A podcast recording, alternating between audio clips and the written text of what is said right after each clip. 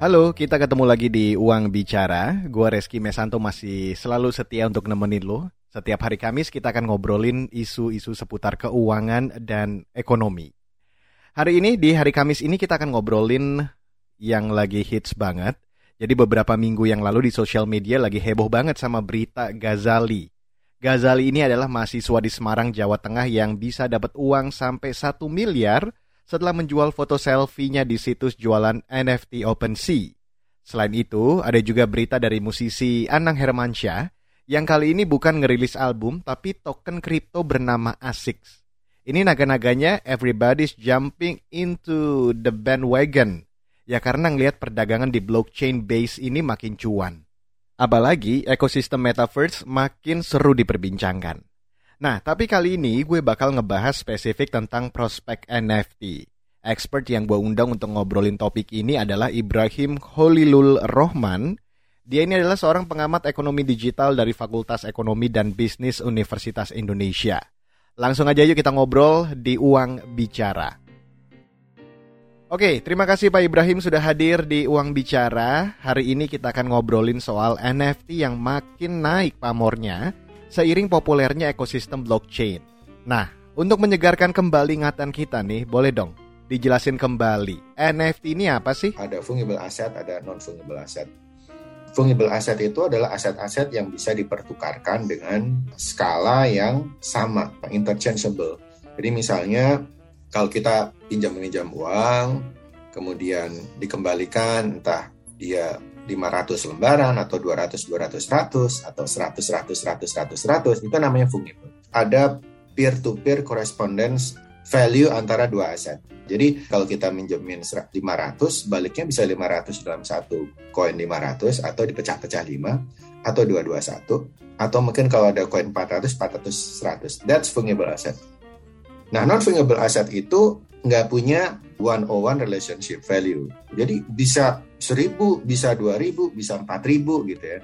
Makanya lebih banyak non fungible asset itu masuk di aset-aset yang sifatnya artistry. Ya, entah itu lukisan, entah itu puisi, potongan video, foto-foto, games, suara, nyanyian, film dan sebagainya. So somebody can bid like whatever it costs gitu ya, it price bisa berpuluh-puluh ribu, bisa di bawah pasar gitu. Jadi tokennya itu adalah bahasa digital, bagaimana aset itu tokenize gitu ya. Jadi untuk menjamin the authorship dan ownership dari aset tersebut. Jadi walaupun dia bisa direplikasi, tapi ownershipnya tetap melekat pada penciptanya. Jadi bisa nggak uang di NFT kan? Nggak bisa. Uang itu fungible asset. Tapi foto uang rupiah satu rupiah 50 tahun yang lalu itu non fungible asset. Karena fotonya belikan di OpenSea atau di mana pun dengan harga yang nggak ada one on one relationship, intrinsic value dan dan nilainya gitu. Bisa ada yang ada yang ngebit 2 juta, ada yang ngebit 1 M misalnya. Uangnya adalah fungible asset, tapi koinnya itu non fungible. Bisa dijual dengan harga berapa. Oke, jadi non fungible asset itu nggak terpaku sama suatu nilai. Contohnya, lukisan. Dia nggak bisa dipukul rata karena masing-masing unik. Harga satu lukisan mungkin satu atau dua juta, tapi lukisan lain bisa ratusan juta bahkan miliaran.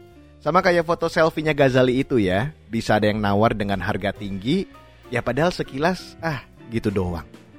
Nah, kalau menurut Bapak nih, fenomena Ghazali ini tuh sebetulnya seperti apa sih? Kalau Ghazali ya tentu kreativitas untuk foto selfie itu kan juga effort ya, maksudnya kan menaruhnya dalam order dalam waktu yang lama, kemudian sampai membuat kolase gitu ya, mungkin dengan ekspresi wajah yang khasnya dia gitu itu akan menimbulkan value di sana. Is it new? Of course not gitu. Udah ada sebelumnya. Dan mungkin ini market needs uh, something to create network intinya. Jadi begitu ada Gozali yang lain jadi ikut masuk ke dalam. Common digital product itu butuh pengguna yang banyak. Karena itulah fenomena ini juga menguntungkan pada expansion of NFT market di Indonesia. Karena kemudian anak muda jadi ikutan semua gitu meng-NFT-kan apa pun yang maybe not really non fungible Oke, soal harganya nih Pak. Ada nggak faktor penentu suatu karya di NFT platform harganya bisa tinggi? Nah ini memang artnya di NFT kan nggak ada demand dan supply yang standar yang menentukan harga. Jadi bisa eksplosif, banyak juga aset art NFT yang cuma laku 1500, udah dipasang berapapun gitu. Jadi memang artistry is one thing, tapi juga ada ada aspek spekulatif, ada aspek luck, ada aspek-aspek yang lain gitu, yang mana tidak berlaku pada fungible asset. Jadi kalau orang-orang yang di NFT kan tahu Mike uh, Winkleman ya, Winkleman itu juga sama, dia juga bikin every days the first of 5000 days gitu ya. Agak sama dengan Gozali dengan dengan model foto yang sama. Dia juga bikin video 10 detik ya, Crossroad yang dijual juga sekitar 7 juta dolar gitu. Jadi ketika orang jadi inventor pertama suatu art yang nyeleneh, yang apa gitu ya, ya dia akan jadi first mover advantage gitu. Dia bisa berspekulasi apakah value dari NFT asetnya kalau dia jual di NFT itu akan melambung. Tapi later on kalau misalnya saya sekarang bikin every day of the first 5000 udah nggak ada lagi gitu. Udah lewat gitu. One and only among 2000 orang yang masuk di NFT dengan aset yang sama. Oke Pak, mungkin udah disinggung sedikit tadi ya, dampak dari fenomena Ghazali yang justru bikin orang-orang mulai kenal juga sama aset kripto dan NFT. Nah selain itu, ada nggak sih dampak positif lainnya dengan berjualan karya dalam bentuk NFT ini? Efek positifnya nggak bisa kita pungkiri ya, orang jadi melek teknologi gitu ya. Saya, saya juga menemukan banyak sekali terbentuk kelompok-kelompok diskusi uh, yang kemudian malah membuka wawasan gitu, membuka dialog lah bahwa teknologi harus disikapi dengan bijaksana gitu ya. Jadi kemudian yang juga menarik art industri atau art sektor itu kan ya terutama dia impacted a lot dengan covid ya. Kayak orang nari kan butuh orang nonton ngumpul gitu ya. Atau art-art yang lain sekarang nggak bisa dengan ya kepameran seni akan terbatas gitu. Sementara penikmat seni kan biasanya lintas negara gitu ya. Kita punya sesuatu demandnya ada di let's say di US atau di Belanda atau di mana pun gitu. Dan NFT allowing jenis aset seperti ini bisa dimungkinkan untuk terus dimonetisasi tanpa kita harus melalui channel konvensional market gitu. Nggak bisa dibungkiri dampaknya akan positif once we can utilize this opportunity to market our art product. Nah, iya benar. Artis atau seniman bisa ngejual karya dengan NFT. Ini memang harus dilihat sebagai peluang ya, Pak. Tadi kalau kita udah ngobrolin tentang hal positif dari NFT ini, pasti ada dong hal negatif dengan NFT. Apa tuh Pak kira-kira? Pada satu titik bagus, tapi sesuatu kalau overdone kan jadi nggak bagus ya. Orang cuma mau belajar gimana caranya punya account dan market produknya lewat OpenSea misalnya atau di platform-platform yang lain gitu. Yang menjadi risk adalah ketika satu barang nilai intrins intrinsiknya tidak sebanding dengan harga, nggak mungkin itu akan sustainable. Jadi we cannot hope bahwa sesuatu bisa terus berkembang atas satu barang yang intrinsically much less daripada harganya. Tidak akan terus-menerus ada Gosali 1, Gosali 2, Gosali 3 gitu. Dan pelaku harus siap dengan fenomena itu bahwa probably there is only one Gosali or two. Nggak bisa kemudian oh yuk kita menciptakan apalagi jadi kebijakan Pemda misalnya. Baik kita ciptakan Gozali Gozali Jawa Barat nggak bisa kayak gitu. The market will find a way ya. At, at the point of equilibrium akhirnya ya mentok-mentok di harga yang normal ya, 1 juta 2 juta gitu ya for the same type of artistry product gitu. Oke Pak, setelah Ghazali ini kan mungkin akan banyak orang yang buka account di OpenSea dan mulai jualan.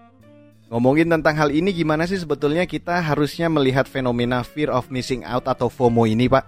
Tapi kan kalau udah apa foto ini di NFT kan terus yang nggak meaningless gitu loh, yang benar-benar orang cuma spekulatif aja. Gue punya foto kue, udah taruh aja di OpenSea, lihat ada yang beli apa Mulai yang seperti itu yang menurut saya it's becoming very very counterproductive tapi kalau memang ada aspek artistrinya, yaitu harus didukung. Ya bagaimanapun kan kita bisa langsung menghubungkan antara seller of arts di sini dan buyer di di mana pun mereka berada. Oke, kita setuju ya kalau ada artis yang jual karya memang harus didukung. Nah, ini rame juga nih Pak, gembar-gembor soal investasi karya NFT. Jadi kita beli gambar satu artis, terus di hold sampai harganya tinggi. Does NFT art really worth to invest? If it is really good and we are sure, iya bagus-bagus saja. Dan kadang kan explosive value dari art itu ya beberapa lukisan itu kan harganya melonjak pas pelukisnya udah meninggal ya. Kayak Avandi misalnya yang yang kalau buat saya lukisannya carut marut, ya memang harganya bisa ratusan juta atau miliaran. And that's similar to NFT gitu. Jadi titik equilibrium berapa harganya bisa bisa eksplosif gitu dan kita mungkin tidak tahu kapan. Gozali butuh waktu let's say 3 tahun gitu ya untuk sampai mengumpulkan kolase fotonya dan dijual gitu. Somebody else butuh 10 tahun. Pertanyaannya tadi kan kalau gitu bagaimana dengan investasi di NFT, NFT gitu ya? Menurut saya ya nggak apa-apa gitu ya. Gini, yang menjadi masalah itu adalah kalau udah mulai spekulatif gitu ya. Instead of nabung atau let's say yang mungkin lebih low risk ya, mungkin obligasi pemerintah. Kan surat berharga yang resikonya rendah kan paling tabungan deposito obligasi pemerintah atau fixed income aset yang lain terus orang jadi berbondong-bondong ke NFT semua. Nah mulai itu yang menurut saya that lebih dangerous gitu. Karena kan bagaimanapun sistem keuangan itu membutuhkan keseimbangan antara uang masuk dan uang keluar. Kalau semuanya dipindahkan ke NFT ya ya gimana? Nanti debitur bisa dapat uang dari perbankan misalnya. Kan mengubah semua landscape gitu. Saya sih yakin ini sih fenomena sementara dan fenomena yang sebagian kecil orang gitu ya. Oke, jadi boleh beli tapi jangan jadiin NFT sebagai satu-satunya sumber investasi ya guys. Pak, saat ini kan bisa dibilang banyak orang yang mulai memanfaatkan teknologi dan jual beli di blockchain base ini. Tapi khawatirnya, ini tuh bakal jadi kayak fenomena bubble. Kayak gelembung atau balon terus membesar tapi sebenarnya nggak ada isinya. Kalau menurut Bapak, kripto ini bakal bubble juga nggak sih? Bubble-nya itu udah tipikal naluriah dasar teknologi itu akan akan selalu seperti itu. Tahun 2000-an kita juga punya dot com bubble misalnya membeli saham perusahaan-perusahaan .com gitu. Kemudian orang berpikir bahwa .com company will change the whole world gitu. Kemudian harga sahamnya turun karena real value-nya nggak ada. Gitu ya. It happens tahun 2008.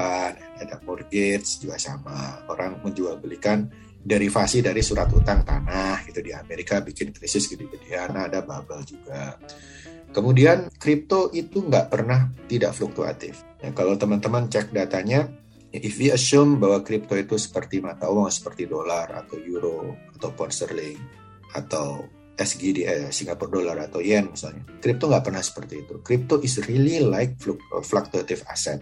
Is it good or bad? Ya tergantung orang gitu ya. Dan memang kalau dari sisi sifatnya yang jompang jumping, memang itu yang mungkin anak muda itu suka. Something yang full of uncertain.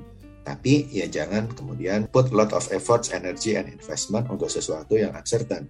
Mungkin message-nya di situ. Nah, seperti yang tadi Bapak bilang, buat sebagian orang perdagangan dengan basis blockchain ini tetap berisiko ya. Uang hilang, gak ada perlindungan. Tapi berdasarkan pengamatan Bapak sendiri, penerimaan soal perdagangan blockchain base ini secara umum gimana? Apakah ada anggapan dalam tanda kutip saingan dengan sistem yang sudah ada? Setiap invention akan selalu ada pros and cons. Saya ingat benar mungkin sekitar couple of months back ya, kepala European Central Bank itu uh, Madame Lagarde yang beberapa waktu yang lalu masih jadi direktur IMF gitu ya. Kemudian dia sekarang diangkat di ECB. Dia bilang, "Eh anak muda kamu jangan ikut-ikutan kripto deh gitu. Yang menarik adalah di Instagramnya, mayoritas yang komentar itu pemain kripto. Dan komentar mereka adalah, look, grandmother is talking. Artinya orang harus memahami memang ada dua kutub gitu loh dalam sistem yang sekarang berlaku ada dua kutub ada yang establish legacy institution ya kayak central bank gitu-gitu ya uh, yang mencoba untuk sustaining establishing sistem yang ada ada stream baru yang berupaya agar ada di centralized system, entah di market mekanismenya, entah di uangnya gitu. Yang itu mungkin menghadirkan inovasi-inovasi itu. Tapi emang bisa ya Pak, sistem sentralisasi keuangan dan blockchain base ini berjalan berdampingan? Menurut saya bisa jalan bersama-sama. Jalan bersama-samanya kan misalnya kalau kripto ya, itu akhirnya ya central banknya masih modern gitu. Makanya mereka punya kripto sendiri yang dikelola oleh central bank gitu ya. Jadi kita menyebutnya sebagai central, central bank digital currency gitu misalnya salah satu atau banyak aspek blockchain based teknologi itu agak dinyinyirin. Itu kan satu dia nggak bisa diadop, diadopsi oleh semua orang. Dia harus membutuhkan satu digital literacy tertentu. Kemudian dua di negara berkembang risknya associatednya itu siapa yang nanggung? Let's say kalau perbankan biasa ada LPS ada OJK ada LPS ada apa-apa tata kita atau nenek kita atau apa tabungannya hilang ada LPS Kripto kan nggak ada. When you lose, you lose your money gitu. Nah karena itu butuh kerjasama gitu. Bahwa teknologi aset-aset atau jenis investasi ini berkembang, thanks to teknologi ya, basically kriptografi tahun 70-80-an, ya nggak bisa di stop gitu. Nggak mungkin nyetop teknologi. Tapi di sisi lain tetap harus ada satu manajemen yang bisa memitigasi risk yang ada. Oke, jadi memang masih ada pros and cons ya soal transaksi di blockchain base ini. Di satu sisi, perdagangan aset kripto ini makin ramai dan prospeknya makin menjanjikan. Ada tapinya ya, harus wajib kudu siapin juga literasi digital. Jadi nggak kejebak FOMO alias ikut-ikutan doang. Nah, di bagian selanjutnya kita akan ngobrol lagi soal masa depan NFT dan apa yang perlu diperhatikan kalau mau terjun di instrumen ini. Jadi jangan ke mana-mana, tetap di Uang Bicara.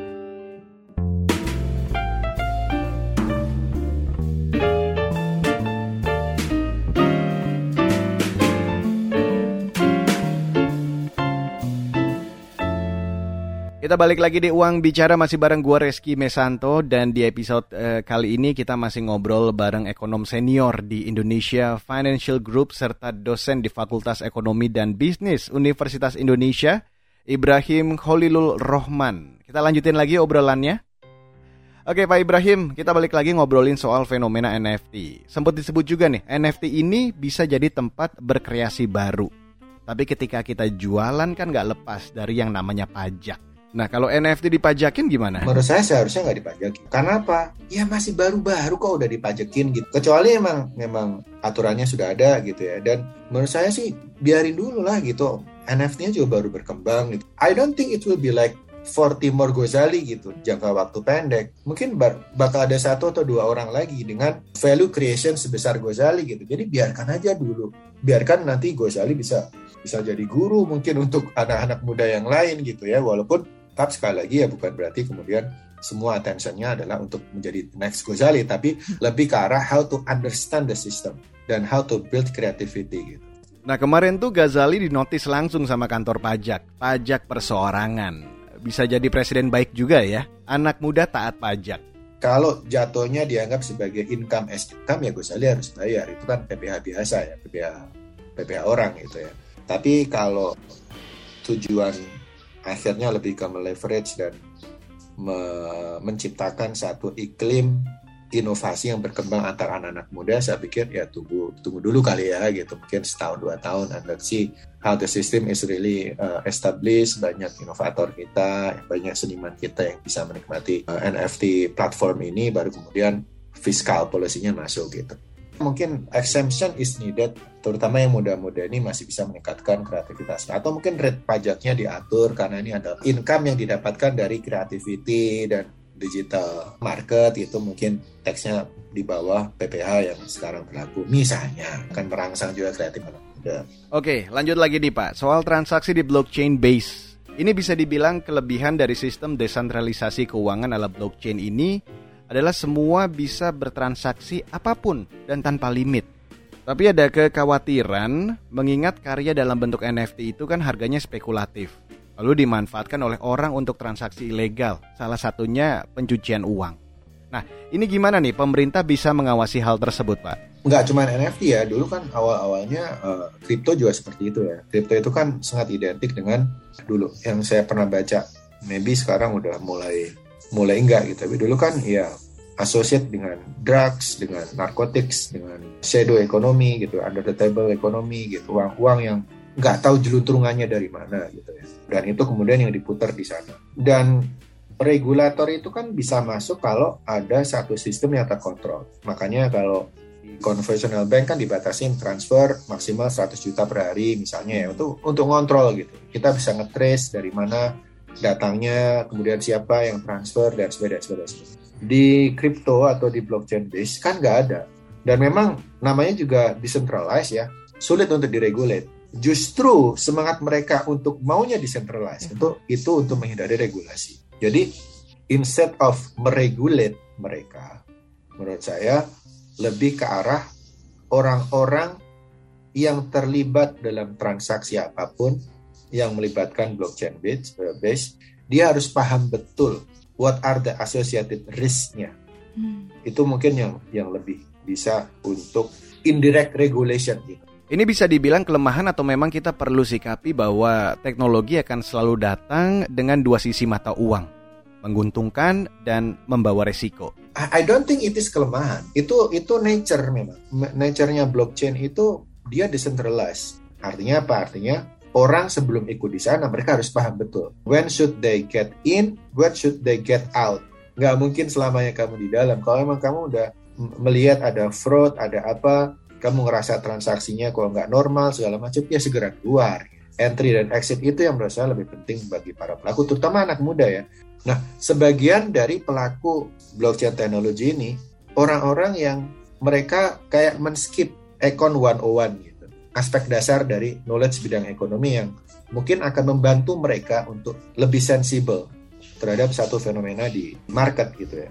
Dan dan ketika intuisi mereka dibangun oleh technical aspek karena mungkin engineer atau anak-anak muda yang lebih ke arah computer scientist kadang-kadang mungkin sense mereka untuk melihat ini wajar atau enggak beda dengan misalnya anak yang belajar ekonomi itulah butuhnya literasi kalau di Indonesia sendiri nih Pak potensi NFT dan aset kripto ini ke depannya seperti apa apakah fiturnya akan cerah kalau adoption proses itu kan kayak kurva lonceng. Kita menyebutnya sebagai bell curve kan ada orang-orang yang pertama mengadopsi, kemudian ada uh, follower di belakangnya, kemudian ada laggard yang ketinggalan. Kita menyebutnya early adopter dan early majority. Itu akan ada satu uh, disconnection ya. Kita menyebutnya sebagai chasm. Itu adalah area di mana kalau kamu dapat menundukkan uh, chasm itu, maka keseluruhan pasar akan ikut. Nah, di situlah biasanya butuh influencer, Nah, gimana dengan blockchain based asetnya, be it uh, NFT atau crypto ya mungkin crypto yang udah duluan. Menurut saya in way agak mirip seperti itu ya. Paling masih di fase early majority atau selepas early adopter gitu ya. Jadi masih di sisi awal dari dari bell curve. Tapi saya merasa dan saya memprediksi dia tidak akan bisa fully adopted something like orang mengadopsi internet akan tetap akan sangat segmen. Di awal adoption proses, but I think tidak akan sampai the large segment of society akan mengadopsi. Tetap akan ada satu boundary bahwa hanya orang-orang itu yang suka. Hanya orang-orang itu yang akan mengadopsi gitu. Oke, jadi beberapa waktu yang lalu Mas Anang ngeluarin token kripto namanya ASICS. Sebelumnya ada Syahrini yang juga udah nyemplung duluan ke NFT ke depan, kemungkinan orang Indonesia untuk terjun di aset kripto ini seperti apa, Pak? 2018 itu banyak banget perusahaan-perusahaan yang mau bikin ICO, Initial Coin Offering. Sebatas yang saya tahu, mayoritas if not all gagal. Ada di satu forum, kemudian saya bertanya ke mereka, eh kamu, jadi ICO itu mereka bikin kripto sendiri dengan basis sesuatu gitu ya. Saya bertanya, kamu mau ICO untuk kripto ini underlying asetnya apa? Dia bilang, nggak ada. Kan uang juga nggak ada underlying asetnya. Kebanyakan yang bikin inisiatif untuk teknologi driven seperti itu, dia sempat combine dengan economic logic di baliknya. Mereka menganggap uang beredar itu nggak ada asetnya, itu salah total. Ya aset backnya adalah devisa negara yang disimpan oleh central bank sehingga uangnya layak beredarkan bisa emas bisa foreign asset piutang bisa apa pun. Itu kalau kamu skip kamu nggak bakal dapat logiknya kalau kamu bikin ICO ditanya kamu underlying asetnya apa? Nggak ada. How buyer will believe what you are selling? Nggak ada gitu. Fail aja gitu. Nah knowledge knowledge semacam ini yang dikembangkan. Again saya nggak bilang bahwa economics is the most powerful knowledge. Tadi saya bilang kalau orang-orang yang proponen dari teknologi ini nggak belajar basic economicsnya, they can get lost somewhere in between. Ke depan gimana? Saya pikir harus ada kombinasi yang lebih kombinatorial knowledge gitu ya, biar orang nggak memandang bahwa spekulatif itu hal yang tanpa resiko, bubble itu hal yang wajar, karena nggak wajar. Dan selama kita tidak dibekali itu, pengembangan apa pun yang basisnya teknologi, sekali lagi, will get lost somewhere Pak Ibrahim, kalau bicara aset kripto dan NFT di dalamnya, ini kan nggak lepas juga dengan metaverse ya. Bisa jadi nanti di metaverse yang memang pakai mata uang sendiri atau koin sendiri, kita bisa melakukan banyak hal di dunia itu. Ya seperti dunia di film Ready Player One lah. Nah, kira-kira potensi NFT dan aset kripto di metaverse seperti apa? Metaverse sendiri kan sebenarnya juga satu proposal yang lahir dari yang mana ingin mentransformasikan segala macam hubungan antar orang, transaksi perdagangan tanpa melalui sistem apa pun, gitu ya, tanpa bank, tanpa perantara, tanpa intermediari, semua terhubung secara langsung dalam sebuah kehidupan uh, yang kita bisa ciptakan sendiri, gitu ya. Kita bisa membuat satu sistem yang ideal menurut kita sendiri. Tentu itu semua ya stage awal digital literacy Kalau saya ngelihat terus Indonesia gimana? Ya akan sangat segmented. Maybe let's say 2 atau 3% dari dari population atau atau uh, digital adopter akan siap untuk ke sana dan akan mengimplementasikannya. Tapi vast majority of population mungkin enggak. Gitu. Mereka akan tetap pada my universe yang yang kita hadapi sehari-hari ya dagang ya di Indomaret atau ke Alfamaret gitu ya tanpa dengan uh, satu uh, sistem menciptakan sendiri melalui Web.3 atau Metaverse. Is it good or bad? Saya pikir uh, too early to judge. Tapi teknologi kan selalu menjanjikan sesuatu ya. Kalau di Indonesia lah, at least akan diproses adop adoptisnya. How many people will be involved? Oke Pak, kita sempat singgung soal investasi di NFT ya. Boleh investasi kalau memang punya nilai artistik dan keunikan yang mungkin lima tahun lagi bisa dijual mahal. Pertanyaan terakhir, apa aja Pak yang perlu diperhatikan jika mau investasi di NFT? Kalau beli rasanya jangan gitu ya, mungkin akan ada alternatif investment lain yang when things happen you can say help us gitu. NFT nggak bisa seperti itu. Terutama di di level-level sekarang yang value-nya masih belum menemukan satu titik, titik equilibrium. Kita beli pada harga mahal misalnya, uh, thinking and believing bahwa harganya akan naik and hmm. turns out harganya akan turun. For selling you can try, tapi selling itu tadi selling for something yang lebih related dengan sesuatu yang ada point of difference-nya bisa relate dengan Indonesian culture misalnya dan sebagainya. Oke, terima kasih Pak Ibrahim. Well, menarik banget ya penjelasan soal NFT dan aset kripto ini. Kita jadi makin paham dengan fenomena banyaknya orang yang terjun ke produk-produk berbasis blockchain. Ingat ya, Sebelum terjun ke perdagangan aset kripto, pahami dulu resikonya. Well, sampai di sini dulu obrolan kita di episode kali ini. Kalau lo punya kritik, saran, ataupun ide-ide topik menarik yang seru banget kalau dibahas di Uang Bicara, jangan pernah ragu untuk langsung kirim email ke podcast at kbrprime.id. Jangan lupa juga subjeknya Uang Bicara. Gue Reski Mesanto undur diri dari Uang Bicara episode kali ini. Tetap sehat, tetap semangat, dan yang paling penting adalah tetap bahagia. Bye-bye.